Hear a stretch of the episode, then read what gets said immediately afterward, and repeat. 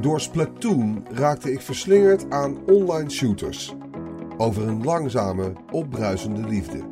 Geschreven door gastredacteur Lonneke Verheul voor Laatscherm.nl. Ingesproken door Arjan Lindeboom. In mijn omgeving ben ik de uitzondering. Een gamer die helemaal verslingerd is aan Splatoon. Wat mij betreft is het een van de beste spellen van Nintendo in jaren, maar ook eentje waar niet veel serieuze gamers verder echt warm voor lijken te lopen. Jammer. Splatoon was voor mij namelijk de manier om in de wereld van team-based online shooters te komen. Online of first-person shooters waren voorheen niet voor mij weggelegd. Bij Halo-sessies in de lokale multiplayer met vrienden was het slim, maar eigenlijk bijna zielig om achter mij aan te gaan om aan het vereiste aantal kills te komen. Ik had toch nooit door dat er iemand achter me aan zat terwijl ik op mijn gemak probeerde te eagelen hoog op de map. Leuk voor medespelers, maar voor mij verschrikkelijk frustrerend. Tot ik Splatoon ging spelen. In het begin schoot ik voortdurend mis. Gelukkig is het doel van deze team-based shooter om zoveel mogelijk van het level in de kleur van jouw team te verven. Dus ging ik dat maar doen. Met een verfkwast race ik door het level. Dat was lekker makkelijk en mijn teamgenoten zorgden er ondertussen met rake schoten voor dat het andere team niet zo makkelijk hetzelfde kon doen. Minuten werden uren, uren werden dagen. Waarom vond ik dit zo leuk? Het instapniveau bij Halo en andere shooters is voor nieuwelingen als ik ontzettend hoog. De twintig jaar aan console shooters die Halo voorgingen heb ik allemaal gemist. Al die verschillende wapens die allemaal anders moeten worden ingezet. Geen enkel wapen leek echt goed bij mij te passen. Daar komt bovenop dat het doel van het spel is om in je eentje zoveel mogelijk kills te behalen. Er is geen team. Alles draait om jezelf en wat je alleen bereikt. Verder bestaat er vaak maar één spelstrategie. Je schiet je medespelers aan flarden en dat is het. Als je de wapens niet goed kan gebruiken en die strategieën niet ligt, bungel je aan het eind altijd onderaan.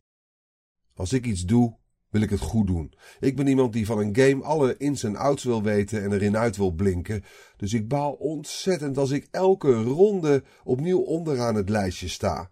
Online shooters als Halo belonen mij op geen enkele manier. Betere spelers straffen me altijd af. En omdat teamwork niet het doel is, draag ik ook nergens aan bij. Het resultaat? Een erg gedemotiveerde gamer die zulke spellen ergens diep in een lade wegstopt. Splatoon zorgde er echter voor dat ik wel een enthousiaste speler van online shooters werd.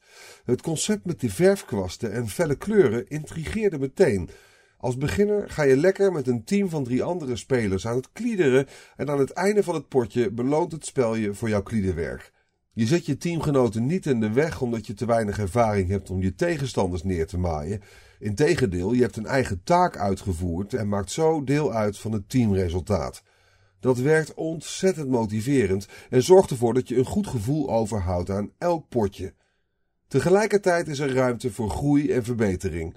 Op een gegeven moment stap je over van de gemakkelijkere verfkwasten op de geweren en ga je vanzelf daarmee ook je tegenstanders te lijf tijdens het verven. Maar alleen achter je tegenstanders aangaan is niet de bedoeling. Je moet wel je team aan een overwinning helpen door mee te verven. Deze dynamiek zorgde ervoor dat ik langzaam maar zeker, zoals mijn vriend het noemde, een beest werd in Splatoon. Hij verkondigde het trots tegen al onze vrienden. Lonneke is misschien wel kanonnenvoer in Halo, maar dan moet je maar in Splatoon tegen haar spelen. Ik was een expert geworden. Ik kon verschillende wapens gebruiken en mijn tegenstanders helemaal gek maken. En tegelijkertijd genoot ik van het leuke teamwork element. Tegenwoordig speel ik geen Splatoon meer. Mijn grote verdriet dit jaar is dat ik het niet aan mezelf kan verantwoorden om alleen voor Splatoon 2 een Switch te kopen. Ik ben echter dankzij Splatoon wel een jaar geleden begonnen met Overwatch. Daarin draait het wel voornamelijk om tegenstanders wegblazen, maar om dat doel te bereiken moet je veel verschillende rollen in het team kunnen spelen. Het teamwork element is dus nog steeds erg aanwezig. Deze online shooters bieden me een mogelijkheid om op bescheiden schaal een expert te worden en helemaal in een spel uit te blinken. En dus ben ik om. Team-based online shooters zijn wel degelijk voor mij weggelegd. Beast Mode engaged.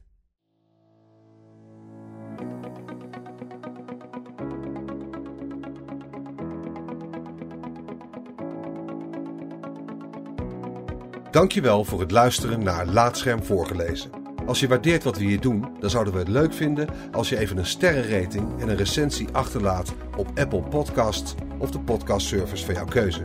Abonneer je ook op onze andere podcast, Praatscherm. En ga voor deze en meer verhalen, geschreven of gesproken, naar laatscherm.nl.